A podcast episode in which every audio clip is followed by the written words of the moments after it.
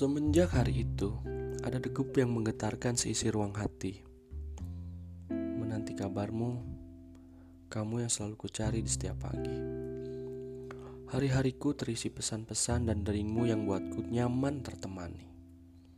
Harap harapanku tumbuh secara sembunyi di antara kamu yang mulai sunyi. Rasaku tumbuh, namun tidak dengan kesempatan. Terfikir penuh ketakutan kamu kan pergi lanjutkan perjalanan. Yang tersisa hanya cerita-cerita dan angan di hari-hari itu saja.